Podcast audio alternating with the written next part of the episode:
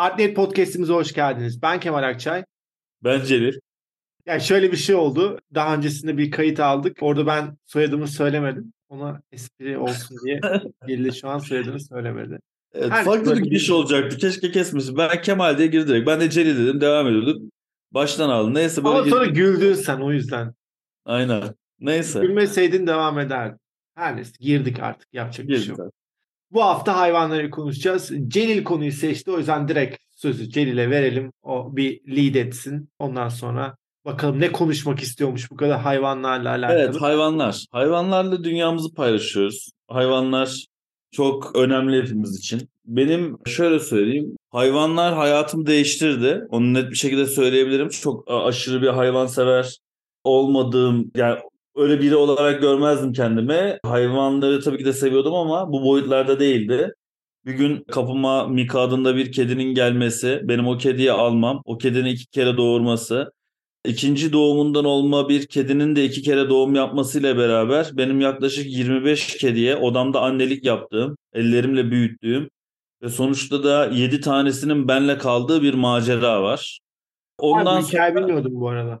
Öyle mi? Kedinin olduğunu biliyorum ama bu şekilde tanıştığını. 7 tane olduğunu ve bir sülale bir kedi Baya bir sülale kedim var abi öyle söyleyeyim ve biz bu sülalenin yarısı bende yarısından fazlasını hatta sahiplendirdik. Aha. Yani hani o yüzden böyle şey olmuştum. Kedilere özellikle bir şeyim. Hani böyle bunların telepatik güçleri olduğunu düşündüğüm aslında çok daha ulvi varlıklar olduklarını wow. düşündüğüm noktaya kadar gitti kedilerle ilgili. Özellikle bizi bulup gelen kedi Mika çok enteresan bir kedi. Sadece bununla ilgili bile podcast verebilirim. Hayatımda bu kadar da akıllı bir hayvan ben hiç görmedim. Çok garip bir hayvan. Bunu gören Mika ile tanışan herkes söylüyor. Herkes Mika'ya ne diyor biliyor musun? Şaman kedi diyorlar abi. Bu hayvan büyücü gibi. Dertli olanın şifası. Derdin mi var? Geliyor abi yüzüne bakıyor patisini yüzüne koyuyor. Biz şu an Mika'nın babam falan hani annem evde çok istemiyorlardı. Bizi işte eve aldığımızda şu anda şey müritleri annem ve babam yani. Mika gelince neredeyse böyle şey yapacaklar. Önde saygı duruşu falan yapacaklar. Mika öyle bir kedi. Onun yavruları da bir garip. İşte o yüzden böyle bir koca bir aile bir araya geldik. Şey sonrasında ben böyle araştırmalarımı değiştirmiştim. İşte sanat tarihinde kediler, işte hayvanlar nasıl kullanılmış, tarihte kedilerin başına neler gelmiş. Bunu çok detaylı araştırdım. Mısırlılardan itibaren hatta kitabıma da aldığım bölümler vardı. Özellikle Mısırlılar herhalde onlara da Mika gibi bir kedi gelmiş olacak gibi gün birinin evine. Abi Mısırlılar kedileri tanrılaştırmış. Bastet diye kedi tanrıları var. Ve bu kedi mumyalama durumuna kadar giden bir boyut. Mısırlılar kendilerini mumyaladıkları gibi kedilerini de mumyalıyorlar. Bir ailenin kedisi ölürse o aile 40 gün boyunca saçlarını ve kaşlarını kazıtarak yas tutuyorlar. Ve kediler yüzünden Roma ile ilişkilerin ticaretin iyi olduğu bu Brutus Kleopatra döneminde tarihi kayıtlarda şöyle bir şey okumuştum abi. Hatta kitabıma da aldım. Bir Romalı asker bir Mısır genel evinde bir kedinin üstüne oturuyor, öldürüyor. Mısırlılar Romalı askeri öldürüyorlar abi bu yüzden. Daha sonra Mısır-Roma arası ilişkilerin gerçekten böyle politik bir sorunun doğmasına neden olacak kadar önemli kediler Mısırlılar için. Persler Mısırlılarla savaşırken kedilere olan kutsal bakış açılarını öğreniyorlar. Bu yüzden bölgelerindeki bütün kedileri toplayıp öldürüp kalkanlarına yapıştırıyorlar abi. Ve Mısırlılar savaşta ağlamışlar bu görüntüyü görünce. Bak inanılmaz bir kedi sevdası. Kediler daha sonra Orta Çağ'da işte Tanrıça Freya, Tanrıça Freya'nın işte kediye dönüşmesi, bir İskandinav tanrısı olması ve Orta Çağ ile birlikte artık Hristiyanlığın Avrupa'da egemen olması ve paganizmin işte şeytanlıkla ilişkilendirilmesi nedeniyle İskandinav tanrıları da lanetlendi. Ve sonuç olarak da Freya bir cadı olarak, bir büyücü olarak ya da korkunç bir tanrıça olarak da lanse edilmeye başlandı. Ve kediler, kedilere dönüştüğü için bu tanrıça, kedi besleyen kadınlar cadılıkla itham edildiler ve yakıldılar abi. Şaka değil, kedi besliyorsun diye. Daha sonra Papa çıktı açıklama yaptı. Kediler şeytanın yardımcılarıdır mı? Öyle bir şey. Kedilerin toplatılması ve yakılması gerek diye konuşuldu ve kediler toplatıldı. Zaten o dönemde kadınlar da mesela işte atıyorum çoluğun çocuğun hastalandı. Sen o çocuğa ilaç kaynatamıyorsun. Çünkü eğer Tanrı o çocuğun hasta olmasını istemişse sen onu iyileştiremezsin. Ona ilaç kaynatıp onu iyileştirmek cadılıktır. Oha. Ve bu çok korkunç bir boyutta kedileri toplayıp öldürdüler.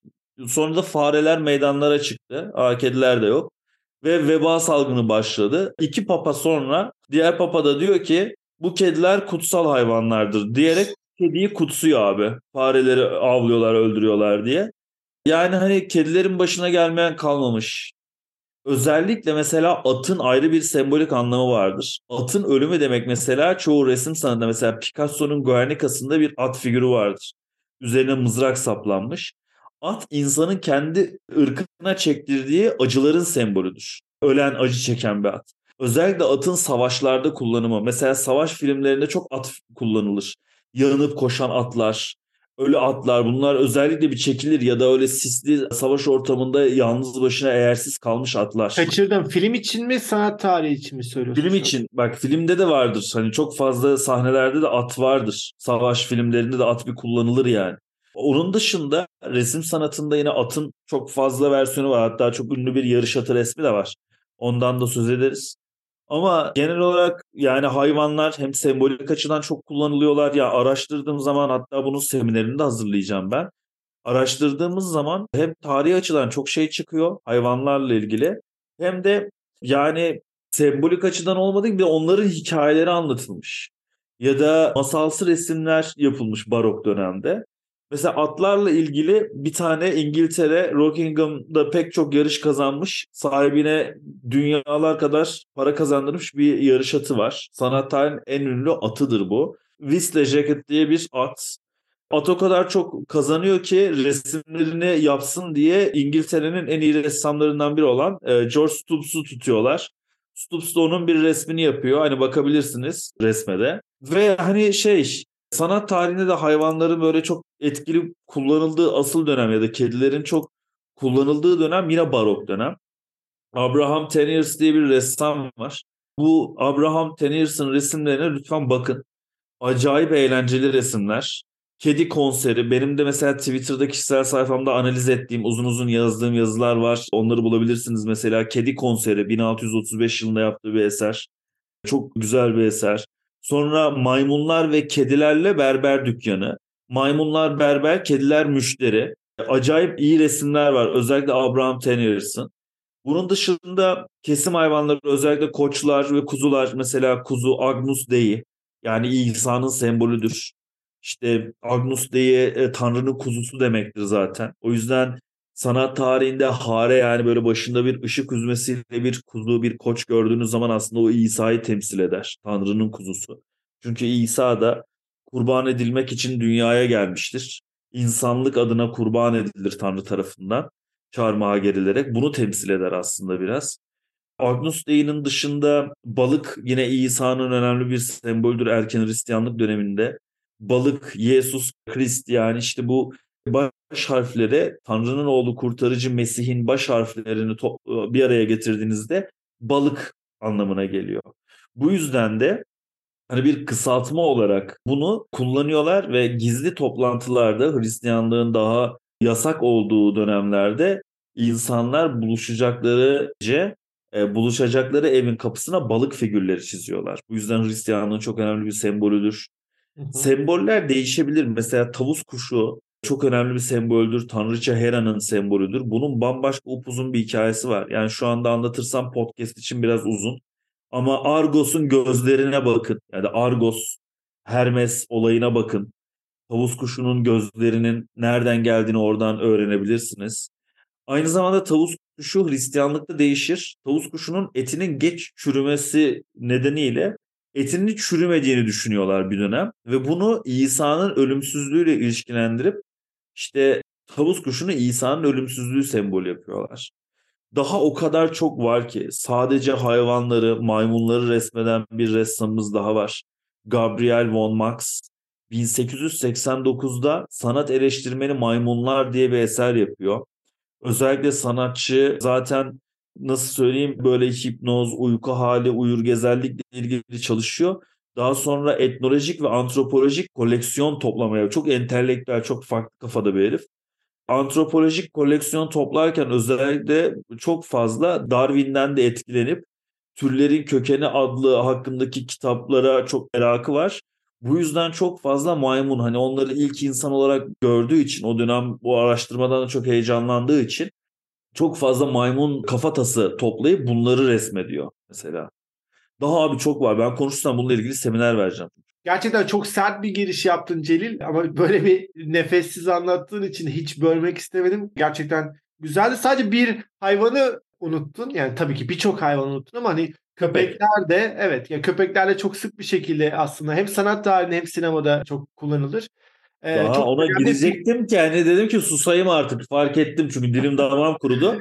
Fark çok ettim önemli. dedim ki biraz Kemal konuşsun sonra köpeğe geçerim diye düşündüm. Çok önemli filmlerde kullanılmıştı. Mesela ilk aklıma gelen Stalker'da hatırlarız. Orada siyah bir köpek gelir. Nuri Bilge Ceylan filmlerinde de vardır. E, sadakatle çok eşleştirilir. Resimlerde e, o... de öyle bu arada. Ama şu da var mesela biraz önce söylediğin şey çok önemli. Mesela kedi kadın cinselliği için de filmlerde kullanılan bir semboldür. Ama mesela biraz önce sen bundan bahsetmedin. O yüzden Şeyde şey mesela 1800'lü resimlerde kediler fahişeliğin sembolü. Mesela Olimpiya resminde fahişenin ayak ucunda kara kedi vardır. Özellikle kara kediler fahişeliğin sembolüdür mesela. Evet mesela şeye de dikkat etmek lazım. Hangi kedi türü, hangi renkte, Tabii, e, tabii bağlam içerisinde nasıl kullanılıyor? Hani hep bunları üzerine aslında bu okumaları yapmak gerekiyor. E şimdi köpek de evet, çoğu zaman sadakatle eşleştirilmesine rağmen mitolojide bir Kerberus köpeği vardır. Evet. Mesela özellikle 3 tane köpek gördüğünüz zaman ya da 3 e, başlı köpek. Veya 3 baş yani 3 başlıdır ama hani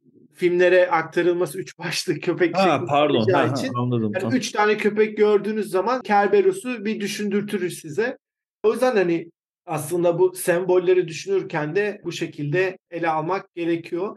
Ben şeyi söylemek istiyorum. Hani senin gibi çok hayvansever bir insan değilim. Hani bu arada hayvanlara uygulanan şiddete aşırı karşıyım. Bu beni gerçekten çok etkiliyor. Kedilere böyle... tekme atan bir herif vardı. O da tutuklanmış bu arada. Cezaevine gönderilmiş. Aynen. Hatta zaten bu hayvanlarla ilgili konuşmayı bize iten, yani Celil'in ilk aklına gelen mesele buradan çıkıyordu hani hayvanlara uygulanan şiddet ben çok hassasımdır bu konuda ama şu da değil yani mesela evde hayvan beslemiyorum. Beslemekle ilgili bir planım, düşüncem de yok ama bununla ilgili bir ön yargım da yok. Hayatım boyunca tek beslediğim hayvan bir su kaplumbağasıydı. O zamanlar 5-6 yaşlarındaydım. Annem almıştı. Hatta hayvanıma da yine bir film kahramanı olan Gizmo'yu koymuştum. O dönemde 80'lerde çok popüler bir filmdi. Bir çocuk filmiydi. Orada bir yaratık vardı. E, sevimli bir yaratıktı ve onu çok sevdiğimden dolayı hayvanıma da onun ismini koymak istemiştim. Onun dışında ama şey filmlerdeki hayvanlar beni çok etkilerdi. Madonna'nın bir filmi vardı Celil. Who is that girl diye. Hatta şarkısı da vardır. Orada bir panter vardı. Siyah panter vardı. Ve çok severdim. Aslında yıllar sonra o filmi izlediğimde çok kötü bir film olduğunu gördüm ama sırf o hayvandan dolayı tabii ki yaşımda küçük olduğundan dolayı filme karşı özel bir ilgim vardı. Lassie filmini hatırlar mısın? Hatta dizisi vardı. Dizi evet. Ee, o dönemlerde 90'larda çok popülerdi. Ben şeyi ee, çok seviyorum Beethoven'ı. Beethoven, K9 köpeği vardı. James Belushi'nin oynadığı. Yani bu tarz filmlere bayılırdık. Yani çocukların çok sevdiği filmler oluyordu. O yüzden de şey bir yakınlığımız vardı. Umberto De diye aslında bir İtalyan yeni gerçekliğinden önemli bir film vardır. Yaşlı bir adamla köpeği Flyke'ın hikayesini anlatır. Yine bir sefalet dönemidir. Umberto hayatta kalmaya çalışır. Ciddi bir ekonomik sıkıntı çeker. En sonunda ama çok sevdiği köpeğini ona bakamadığından dolayı terk eder. Çok hüzünlü bir hikayedir. Belki de bu köpek ve sahibi arasındaki ilişki anlamında herhalde beni en çok etkileyen film olabilir. Ama bir sürü film var. Mesela Aslan Kralı'ndan Jaws'ına kadar. Hachiko'sundan Buz ki Hachiko'yu sevmem. Efendim? Buz Devri var. Buz Devri var. Life of Pi var. Oradaki kaplanla. Evet. Ki kaplanın da yine şey bir tanrı sembolizmi vardır. 101 Dalmaçyalı filmini çok severim. Onun dışında yine animasyonlarda Ratatouille vardır. Ve oradaki fareyi de yine daha önceki düşünüldüğünden bambaşka bir imajla yansıtıyor olması bence çok değerli ve eğlencelidir. Animasyonları daha çok görüyoruz sanki. Konik hayvanların kullanımını. Ama şey senin de o yani ilk... şey işte yeni fabullar gibi. Evet ama yani senin de o ilk dikkatini çektiğin hani sembolizm gerek sanat tarihinde gerek sinemada çok kullanılır. Bugün evcil hayvanlardan bahsediyoruz ama mesela İstiridye'de var bir deniz canlısı ve çok fazla sanat tarihi ve sinemada kullanılıyor. Kadın cinselliği, kadın cinsel organa çok benzediği için mesela bu sembolizmle kullanılıyor. Ki senin de bir tabloyu okurken bu istiridye referans verdiğini biliyorum. Hangi tablo? Evet evet İstiridye afrodizyak etkisi yaptığına inanılıyor Hollanda altın çağında 17. yüzyılda. Bu yüzden de mesela işte özellikle genel sahnelerinde ya da bekarla veda partileri böyle erkeklerin bir arada bulunduğu, içki içtikleri ortamda deli gibi istiridye yediklerini görürsünüz. O da şeydir hani oradan bir partiye gidilecek, metreslerle buluşulacaktır. İşte genel evde fahişeler mesela resmi izleyen kişiye doğru istiridye tutarlar. Hani bir şey ister misin diye soruyor. Orası hani bir genel ev olduğu için. İstiridye ister misin derken aslında başka bir şey soruyor. O da güçlü bir cinsellik sembolü. Tabii yiyecek ve oralara girmiyorum yani ben oradan çıkamayız çünkü. Evet bir de mesela Dogtooth filminde hatırlıyor musun? İzlemiştin değil mi Dogtooth filmini? Evet. Dogtooth filminde evin erkek çocuğu bahçeye giren kediyi makasla kesmeye çalışır. Aslında o da kadın cinselliğidir. Hatta orada iki tane kadın izler o sahneyi ve böyle dehşete kapılır. Ben de böyle bir sembolizmi yani her noktada sinemanın her noktasında görüyoruz. Bu arada ufak bir ara verdik. Kurguda siz bunu fark etmeyeceksiniz ezan okunduğu için. Eyşan da şey demişti. Ben kangal istiyorum demişti. Kangal köpek istiyorum demişti. Ben de şey sordum. Sivas filmini izlediniz mi? Bir Türk filmi. Küçük bir çocuğun yine kendi Sivas Kangal köpeğiyle olan ilişkisini anlatıyor. Bu arada tavsiye ederim böyle ilginizi çekebilir. Bakarız izleriz. O dönemlerde Venedik Film Festivali'nde falan gösterilmişti film. Bayağı bir sükse yapmıştı. Yani yine o film aklıma geldi. Hayvan Dedektifini sever misin? İzledin mi? Jim Carrey'nin. İzledim tabii ya ama öyle çok yani çocukken izleyip böyle yani keyif alıp bir daha hiç benim favori Jim Carrey filmlerimdendir. Hani o ciddi Truman Show, Eternal Sunshine'ı bir kenara bırakırsak komedi filmlerinde en sevdiğim Ace Ventura'dır. Hayvan dedektifi. Özellikle onun bir açılış sahnesi vardır. Aşırı bilirim. Yine Jim Carrey'nin o aşırı mimikleriyle bir oyunculuğu sergilediği. Bilmiyorum yani çok çok güzel filmler ya hayvanlar üzerinden o kadar çok kullanılmış ki ben benim vahşi hayvanlara karşı bir özel ilgim var. Hatta dur şu soruyu sorayım Cil. En sevdiğin hayvanı söyle bana. Yani en sevdiğim hayvan kedi. Bununla ilgili şöyle bir analiz yapmak istiyorum. Bu hatta böyle bir biraz hafif psikanalize de giriyor. Sevdiğin hayvan neticesinde senin kişiliğinle ilgili böyle çıkarsamalarda bulunabiliyor. Hatta ya mesela ben komple kedigillere bayılıyorum abi. Hani en büyük kedisinden en küçük kedisine kadar bir kedi merakım var. Aslanlar, onların sembolizmi de vardır. İşte aslan güneştir, yeleleriyle güneşin ışığını. Erkekliği biraz. Düşünün. Erkekliği şey yapar. Kaplanlar, o panterler, pumalar, leoparlar, mesela, çitalar. Mesela benim en sevdiğim hayvan kaplan ve şey soruluyor. Bu hayvanın en çok sevdiğin üç tane özelliğini söyle. Neden bu hayvanı seviyorsun gibisinden. Ben mesela şey söylemiştim. Kaplan herhalde kara hayvanlar arasında en güçlü 2-3 hayvanın evet. bir tanesi. Buna evet. rağmen avını hep arkasından yakalamaya çalışıyormuş ormanda. Böyle gizleniyormuş ve arkasından saldırıyormuş. O yüzden o bölgenin insanları maske takıyorlarmış. Ama şey enselerine takıyorlar. Maskeyi sanki şey hani bir yandan da yüzü var ve arkası dönük değilmiş kaplana imajını vermek için. Mesela bu özelliği benim aşırı hoşuma gitmişti. Biraz kedi da, yani ama, sonuçta değil mi? Kaplan ama da sinsi, kedi. Ama işte beni sinsi yapıyor bu tarz bir şey. Ya ben de bu arada kaplanı çok seviyorum. Yani dedim ya kedigillerin tamamı benim için ya atıyorum kaplanın o karizması, o gözleri, o şeyi yürüyüşü bile hayvanın yani bir şey zaten hani belgesel falan izleyecek olursak direkt hani o tarz böyle kaplan işte pumalar mesela simsiyah bir de karanlıkta gözükmüyorlar ya onlara bayılıyorum mesela. Şimdi bu hayvanların tabii ki dövüştürülmesi hiç tasvip etmediğim hiçbir şey. Ben de hiç sevmem ama bir tane videoya denk gelmiştim. Böyle birkaç tane pitbull'u kaplana saldırtıyorlar ama küçük kaplan. Yani büyük kaplana zaten saldırtamazsın yani tek hamlede yutar da. Küçük bir kaplana saldırtıyorlar. Kaplan da korkuyor bu pitbull'lardan ilk etapta. Fakat sonrasında öyle bir hamle yapıyor ki çünkü kaplanın içgüdüsel olarak bir avlanmaya karşı bir kodları var. O yüzden o pitbullları birden böyle alaşağı ediyordu. Gerçekten çok sevdiğim, çok da asil bulduğum hayvanlardır. Köpekler de bu arada çok seviyorum. Yani küçüklüğümden beri. Biraz korkardım eskiden artık değil. Ama mesela Doberman mesela çok sevdiğim bir köpekti. O duruşu, Böyle çok asil bir yandan da koruma köpeği sadık ama sadece sahibine sadık. Onun dışında o vahşiliği de içinde barındırıyor. Çok severdim. Ben şeyleri seviyorum abi. Macar rotlarını çok seviyorum. Böyle kocaman kafalı falan oluyorlar ya böyle. Bayağı e, şey biraz yine şeyin de etkisi var. Sopranos'un da etkisi var. Ya bir şey demeyeyim şimdi de. Onu çok seviyorum. Onun dışında şöyle bir şey söyleyeyim. Anlattığın o Pitbull'la ilgili olay bana şey hatırlattı abi. İşte kedi refleksi bu. İlk başta kedi her zaman korkar. Yani büyük kedi de olsa, küçük kedi de olsa. Ben sana şöyle gözümde gördüğüm bir şey anlatayım. Bizim sitenin çitleri yapılıyordu. Şimdi bizde kediler hani eve giriyor, çıkıyor, bahçede takılıyor. Hani sitenin içinde şöyle bahçenin önüne çıkıp geliyor tamam mı? Hı hı. E, ve hayvanı içeride zapt edemiyorsun. Çünkü dışarı çıkmak istiyor. Şimdi ben de açıyorum hayvan çıkıyor geliyor işte Mika bir dolanıyor geliyor. Bir saat falan çıkıyor geliyor zaten tamam mı? Ama çok fazla sokak köpeği var Batı kentte. Eskiden Batı kentte yaşıyordum işte ben de. Ve inanılmaz bir sokak köpeği problemi var. Şimdi buna problem diyorum. Çünkü neden? Bu problem sokak köpeğinin problemi değil. Ve bu hayvanlar 24 yaşında bir çocuğu öldürdüler. Bizim Batı kentte oluyor bu olay. Daha sonra pek çok çocuğa saldırdılar. Bizim karşı komşuyu parçalıyorlardı neredeyse. Bana defalarca saldırdılar bu arada.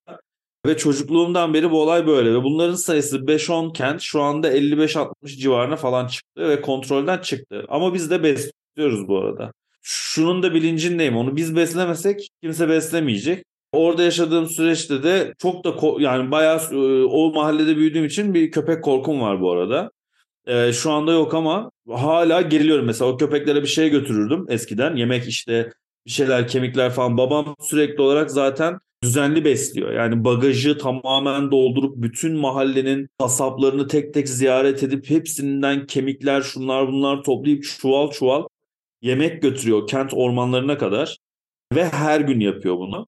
Ben de hani işte bu köpeklere yemek götürürken ben bile geriliyorum. Anladın mı? Yemek götürüyorsun, geriliyorsun. Buraya maalesef hiç kimse bir çözüm bulamıyor. Neyse şimdi hani böyle çok saçma bir konuya girdim ama çıkarttık Mika'yı. Mika bahçede geziyor. Ben de içerideyim. Bir işlerle uğraşıyorum. Abi bir şey sesi hissettim. Bir, bir ses hissettim yani bir fazlalık hissettim tamam mı? İçeri doğru bir depar attık. Babam da hissetmiş aynı şeyi. Babam hatta bir ses duymuş. Bir depar attık bir çıktık. 8 tane 9 tane devasa sokak köpeği bizim bahçede Mika'yı duvarın kenarına sıkıştırmışlar abi. Ve e, hepsi dibine kadar girmiş ama bu öyle bir kabarmış ve öyle atik hareketler yapıyor ki 8-9 tane köpek ve o sırada Mika ikinci kez hamile. Karnı şiş. Ve ben biliyorum ki karnı şiş olmasa oradan çıkar abi. Yani hakikaten o hayvan dedim ya şaman oradan çıkar. Biz gerçekten Allah'tan geldik oraya bir şekilde. Bak bize bile kaçmıyor hayvanlar. Neredeyse vuracağız yani elimizi sopa falan. Bize de o kediyi sıkıştırdılar ya coşmuşlar orada. Ve hani şey var gerçekten bir hayvanı bir yere sıkıştırdığında hele onun yavrusu mavrusu varsa hiç yani bu köpek için de geçerli hiç fark etmiyor abi. Onun koruma içgüdüsüyle çok değişik hareketler yapıyorlar. Abi Mika bizim için değil de sanki köpekler bize bir şey yapacakmış diye bizi korumak için öne bir fırladı. Köpekler dağıldı. Yani hani Gerçekten o şeyi sen hani izlemişsin ya ben yaşadım o olayı içinde. Çok korkunçtu yani. Köpekler çok kullanılıyor. Mesela köpeklerin kullanımı sembolizmde üçe ayırırız. Süs köpeği ise zenginlerin ortamı vurgulanıyordur. Hı hı. Eğer sokak köpeği ise genel ev ya da bir batakhanedir, virhanedir. Hani böyle sokak köpekleri genellikle işte alt sınıfı temsil eder resimlerde. E, bir de normal hani şey tazılar yine avcılıkla ilgili köpeklerse yine zengin insanların köpekleridir. Bu zenginlik vurgulanıyordur. Eğer bir baba oğul hikayesi, bir vefa, bir sadakat anlatılıyorsa da sahnenin içine yine bir hani böyle sokak köpeği de değil ama tam anlamıyla da süs köpeği de değil. Daha belli bir tipte bir köpek figürü yerleştiriliyor resimlere de. Ya aslında yani sen üçe ayırdın ama hani daha dediğimiz gibi çok farklı bir şekilde de kullanılıyor. Tabii sanat tarihi tabii, tabii. Temelde ben resim için söyledim onu. Yani sinemada gerçekten çok farklı anlamlarda kullanılabiliyor. Dediğim gibi ilk akla gelen benim için sadakat. Hatta şey bir zamanlar Anadolu'da o cesedi buldukları zaman köpeğe gelir ya durulan adamın. Kaç kilometre uzakta olmasına rağmen köpek bir şekilde sahibini bulmuştur. İnsanların film boyunca birbirini yediğini görürüz ama köpek o sadakatinden ödün vermez. Onun dışında Celil aklıma 3 tane film geldi. İkisi belgesel. Bunları önermek istiyorum. Belki bazılarını sen de izlememiş olabilirsin. Bir tanesi My Octopus Teacher. Hatta ya Oscar kazandı ya da Oscar adayı oldu. Duydum sadece izlemedim. Türkçe ahtapottan öğrendiklerim diye çok kötü bir şekilde çevirmişler. Bir tane adam var bir deniz kenarında oturuyor dalgıç gibi ve en azından böyle hobi olarak dalıyor ve bir ahtapotu gözlemlemeye başlıyor ve ona bir arkadaşlık geliştiriyor. Gerçekten çok ilginç bir hikaye. Çok da güzel bir şekilde çekmiş, çok uğraşmış, çok uzun bir periyottaki o ahtapotla olan ilişkisini anlatıyor. Ahtapot bir ara işte bir şeye uğruyor, bir saldırıya uğruyor. Ondan sonra tekrardan küllerinden doğuyor falan ve ahtapot hayatını gözlemliyor olmak gerçekten çok ilginçti. Ahtapotlar da çok özel hayvanlar. Gerçekten evet, çok zeki hayvanlar. Ve o denizin altındaki o dünyayı görmek de gerçekten çok ilginçti. Özellikle bu tarz doğa belgesellerine karşı ilginiz varsa izlemenizi tavsiye ederim. Farklı bir açıdan da yaklaşıyor. İkincisi Grizzly Man. Werner Herzog belki de belgesel deyince ilk akla gelen yönetmenlerden bir tanesidir. Onun çektiği bir yönetmen. Adamın ismini unuttum. Bir tane adam var Celil ve boz ayılara takmış. Ve biraz önce demiştim ya kaplan karadaki en güçlü 2-3 hayvandan bir tanesi. Hatta bu boz ayı için en güçlü hayvan denir. Çok da saldırgandırlar. Ve bu adam kafayı takık ve belirli dönemlerde bu boz ayıların yaşadığı işte Alaska bölgesinde ziyaretlerde bulunuyor. Böyle 11-12 yıllık bir süreç. Ve zaman ilerledikçe işte bir kamera alıyor ve bunları kameraya çekmeye başlıyor. Amacı da işte bir süre sonra bunun belgeselini yapmak. Fakat biraz deli bir adam. Zaten ayılarla bu kadar haşır neşir olmasından anlayabileceğiniz bir şey. Ayıların çiftleşme dönemi var ve bu çiftleşme döneminde kimse bu ayılara yaklaşmıyor. O zamanlar çok daha saldırgan oluyorlar. Ama bu adam işte deli olduğu için kız arkadaşını da alıp bu çiftleşme dönemlerinde ayıların yanına kamp kuruyorlar ve bir tane ayı bu adamı yiyor. Bu yeme olayı görüntüsü değil ama sesi de mevcut bu arada. YouTube'dan da dinleyebilirsiniz ama uyarayım çok çok vahşi. Yani o, hatta şöyle söyleyeyim gör, görsek bu kadar etkilemeyebilirdi. Hikaye bundan sonra başlıyor Celil. Werner Herzog bu adamın 12-13 yıldır çektiği görüntüleri alıp bir, bu belgeseli çekiyor. Yani adamın çekeceği belgeseli Werner Herzog çekiyor. Ve adam çok ilginç. Yani o adamın tutkusunu görmek çok ilginç. Bu yine bu Oscar adayı olmuş bir belgesel. Grizzly Man. 2005 yapımı olması lazım. Çok etkileyici. Gerçekten çok çok etkileyici. Ee, YouTube'da bana atar mısın peki? Bence önce ama belgeseli izle ondan sonra o sesleri dinle. Daha anlamlı olur. Tamam sen yine de at. Hayır sen izledim de ondan sonra link atacağım. Abi sanki bulamam ya. Neyse tamam izleyeceğim. Belgeseli çok merak ettim izleyeceğim. Üçüncü evet, film, üçüncüsü ise bir kurmaca. Belgesel değil, Lamp, Kuzu. Bu çok sembolik ve ağır ilerleyen bir film. Hani diğer ikisi daha akıcı olmasına rağmen bunu böyle herkese hitap etmediğini söyleyebilirim. Mesela Celil sana bunu doğrudan önermiyorum ama şey sembolizmini görmek açısından önemli. Bir tane çift var. Aha. Sanırım İzlanda'da ve çocukları olmuyor. Sonrasında bir kuzuyu evlat ediniyorlar. Aslında bir çiftlikteler, kuzuları var. Ama kuzu da yarı insan, yarı kuzu. Ve daha sonrasında da işte tabii ki annesi de bununla ilgili bir noktada müdahale etmeye çalışıyor. Tekrardan çocuğunu almaya çalışıyor ama aile, insanlar buna da bir şey gösteriyor, refleks gösteriyorlar. Çok ilginç bir hikaye, çok sembolik bir hikaye ama dediğim gibi çok ağır ilerliyor. Hristiyan sembolizmini çok yoğun bir şekilde görüyoruz. Zaten Celil ufaktan söyledi hani o koyunun kuzunun neye e, evet neyin sembolü olabileceğiyle alakalı. Yine özellikle bu art house sinemaya karşı ilginiz varsa da bu Lamp kuzu filmine bir göz atabilirsiniz. Bunun dışında çok fazla var gerçekten. Yani çok fazla mesela gelmeyen... hayvan hayvan gitsek yılan şimdi bak. Yılan acayip bir sembolizm. Tamam mı? Akrep çok başka bir sembol. Mesela yılan dedin. Otomatik Portakal'daki Alex'in ana karakterin evcil hayvana yılandır. Hem bir erkeklik sembolizmi var hem onun iyi kötü ilk günah ister istemez. Yani şimdi yılan da dediğim anda zaten o ilk günah herkesin aklına geliyor. Resim sanatında da hep böyle kullanılıyor zaten. Onun dışında şifanın da sembolü. Çünkü panzehirleri yılan zehirlerinden elde ediyorlar. O yüzden de yılan Asklepios vardır mesela sağlığın tıbbın tanrısı. Onun tapınaklarının girişinde yılan sembolü vardır. Onun dışında çok fazla var ya. Dediğim gibi aslanım var. Böceklerden sayabiliriz yine. İşte hani Mısır'da bok böceğinin ayrı bir anlamı var. Neymiş bok böceğinin anlamı? Bok. Şu an hatırlamıyorum. Onun dışında düşünüyorum da böyle. Başka mesela ne köpek var? balıkları benim ilgimi çeker. Jaws'taki o kullanılan. Mesela orada da bir kapitalizm aslında sanırım. Yani filmi izlemeyeli bayağı oldu ama mesela bir kapitalizm alegorisi gibi. Ben de Bok Böceği'ni düşünüyorum hala. Benim de Bok Böceği'ni okumayalı bayağı oldu. Herhalde en son kaç? 4 yıl önce Mısır araştırdım gerçekten. 4 yıl önce mi Bok Böceği anlattın? Evet. E, en son 4 yıl önce falan şey yaptım. Mısır'ı Bok Böceği anlatmadım bile. Sadece kısa bir göstermiştim. Kurtlardan çok var bak. İşte kartal Aa, evet. mesela Zeus'un sembolü. Aynı zamanda işte bu şeyde de çok kullanılır. Amerikan filmlerinde de özgürlüğün, e, gücün. E çünkü Amerika'nın da sembolüdür. Bu arada sembolü, Nazilerin de sembolüdür. Nazilerin de sembolü. Kartal çok var ya. Eski böyle Mezopotamya'da falan bile akbabalar hep ölümün işte git mesela Göbekli Tepe'de akbaba var abi. Yani 12 bin yıl önce de bir sembolmüş. Hala da bir sembol akbaba. Mesela birisi çıkıp ya akbabayı da ölüm sembolü yapalım demiyor. Leş yiyen bir hayvanın doğal olarak ölümü hatırlatması çok normal. O yüzden de. Ya sana şöyle hatta konuyu madem biraz açalım. Mesela şimdi insanlık ne yapıyor? Dünyayı keşfetmeye çalışıyor tamam mı? Özellikle de Neolitik dönemde insanlar etrafını, dünyayı algılamaya çalışıyorlar. İnançlar yavaş yavaş şekillenmeye başlıyor bu Paleolitik'in sonlarındaki işte milattan önce 12 bin yılda Hani Göbekli Tepe işte ne alanıysa belki bir ritüel alanıdır ama tapınak değil. Herkes tapınak diyor. Bir tapınak değil orası. İşte hani orada belki bir ritüel falan oluyordu. Oradaki sterlerin ya da T şeklindeki o blok taşların üzerinde de görülen hayvanlar zamanla ne olacak? Tanrılaşacaklar. Mesela hayvanlara doğrudan hayvanların özellikleri üzerinden sembolleşmeye başlayacaklar dediğin gibi.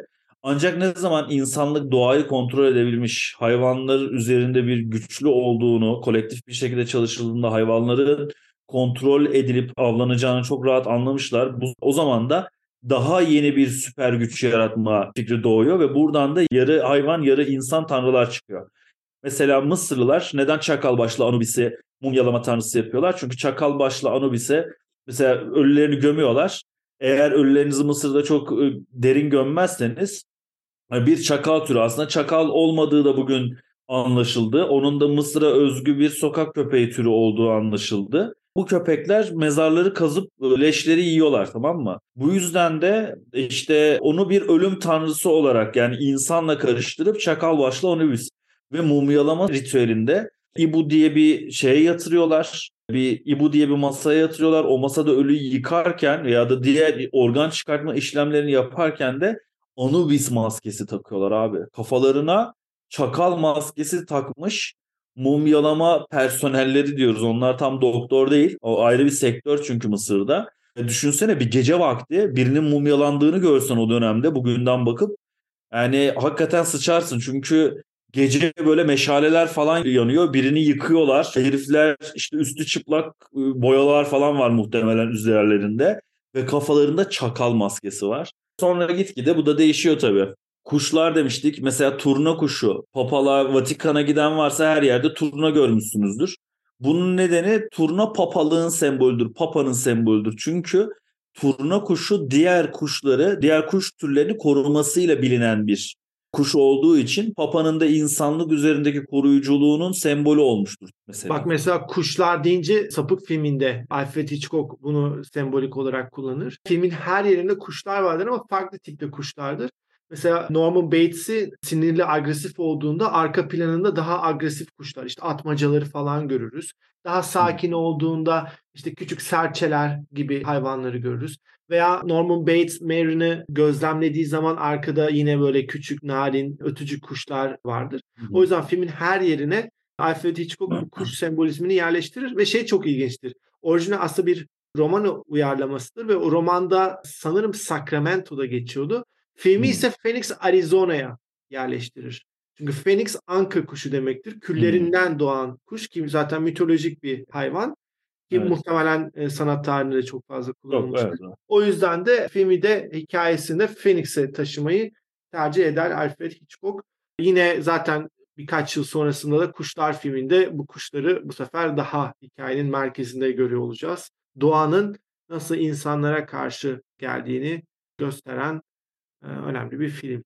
Şey var, Beyaz Güvercin. Mesela kutsal ruhun evet. sembolü resimde. Mitolojideki örneklerinde de Afrodit'in sembolü beyaz güvercinler.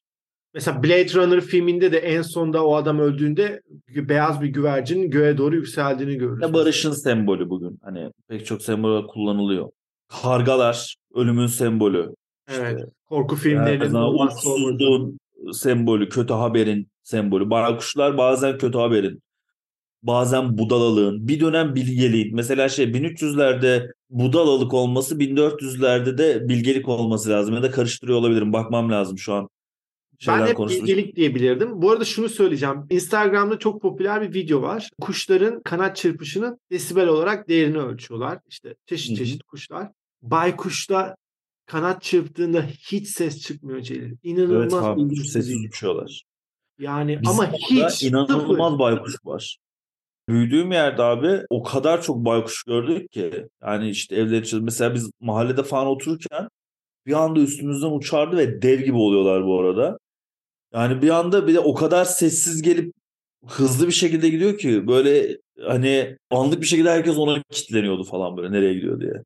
Eşeği unuttuk. Devamlı işte çile çeken hayvan imajı ki e, Robert Bresson Rastgele Baltazar filminde özellikle ilk aklıma gelen örnek. Herhalde şeyleri çok sık kullanılıyordur sanathanede eşek. Bu çile Eşek mi? Eşek. Çok ya. Yani eşek bir kere İsa'nın Kudüs'e girişi eşek üzerinde oluyor abi. Yani o yüzden zaten Kudüs'e giriş sahnelerinde biz çok eşek görüyoruz. Mesela Mısır'a kaçış ayrı bir sahnedir. Herodes, Kral Herodes 2 yaş ve 6 bütün bebeklerin öldürülmesini ister. Çünkü İsa'nın doğduğunu öğrenir masumların katlini fermanını duyan Meryem ve Yusuf da Mısır'a kaçarlar. Yahudiye bölgesinden. Mısır'a kaçışta da Meryem Ana ve İsa bebek genellikle eşeğin üzerindedirler. Çok fazla eşek tasviri var bu anlamda o yüzden. İsa'nın doğumu sahnesini hemen tanırsınız. Bir bebeğin yanında Meryem Yusuf, bir öküz ve bir eşek. Çünkü kanda yer olmadığı için İsa bir ahırda doğar. Ahırda doğunca da öküz ve eşek nefesleriyle onu ısıtırlar. O yüzden de yine eşek figürünü çok görürsünüz doğum sahnelerinde. Peki bölümü kapatmadan önce sana bir soru. Ben de sonra bu soruyu kendim için de cevaplayacağım. En sevdiğin hayvanları merkezine alan film. Hatta en sen tablo da söyle. Ben tabloyu söyleyemem ama sen tablo da söyle. Ya ben genellikle Abraham Tennyson resimlerini söyleyebilirim hayvanlarla ilgili. Zaten konuşmuştuk. Onu diyeyim geçeyim. Hayvanları merkezine alan film Jurassic Park. Valla ben de onu söyleyecektim bu arada. Ciddi misin? Bu kadar doğa bu kadar güzel anlatılamaz abi. Ya yani bir de ne, yani ne diyordu o meşhur replik şey doğana her zaman bir yolunu bulur. Evet hatta onun çok güzel bir şey kemer üzerinden metaforu vardır. Müthiş evet. değil mi ya? Evet, evet müthiş. Bizim küçüklüğümüze denk geliyor ya. İlk kez o dinozorları gördün o büyülü an. Kesinlikle öyle ya. Raptorlar, Çocukken ne alırdım o net işte Gio'nun çocuk şeyleri falan vardı. Dinozor her yer dinozordu abi. Evde bir dinozor arkeolog sevdası o zamanlar başlamıştı zaten. Ben de böyle bir kazı mazı. Sonra kazının ne olduğunu görünce tabii koşarak batı Batı sanatı ve modern sanatla entelektüel ortamlara kendimi attım. İşte dedim uğraşamam abi el arabasıyla falan diye. Ya şey çok güzel gerçekten de film mükemmel ve yani dinozorları da keşke yaşasalarmış. Küçükkenki en büyük fantezim oydu o dinozorları görmek. Ki ya geçen bir haber okuduk biz dinozorları dinozor mu yapmışlar bir yerde? Dinozor. Valla dinozor yaptık falan filan diye bir yerde böyle bir çıkmış işte ilk dinozorlar yumurtadan çıktı falan diye daha nesli kaybolmuş bir türü yeniden Hatta millet paylaştı Jurassic Park gerçek oluyor falan diye. Ya. Ama tam haberi hatırlamadığım içeriğini bilmediğim için şu anda... Ama siz Ankaralılar olarak dinozorlara karşı böyle bir şeysiniz, yakınsınız. Çünkü biz yine dinozorları görerek büyüdük. Her göbekte, her alakasız. Ya Demet Evler, Lale Gül Göbek'te Transformers'ın işi neydi abi? Dinozorun işi neydi Lale Gül Göbek'te?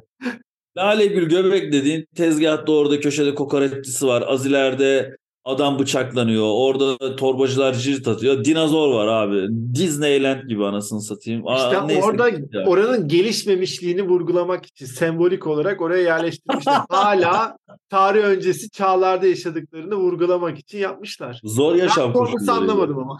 Transformers'ın İşte korusun anlamadım. diye suçu suçu bastırsın diye şey benim arkadaşım bir ara Demet Evler'le Ali Gül'de oturuyordu. Bir sene kadar orada geçici bir süreliğine yaşamak durumunda kaldı. Ben de sık sık yanına gittim falan da.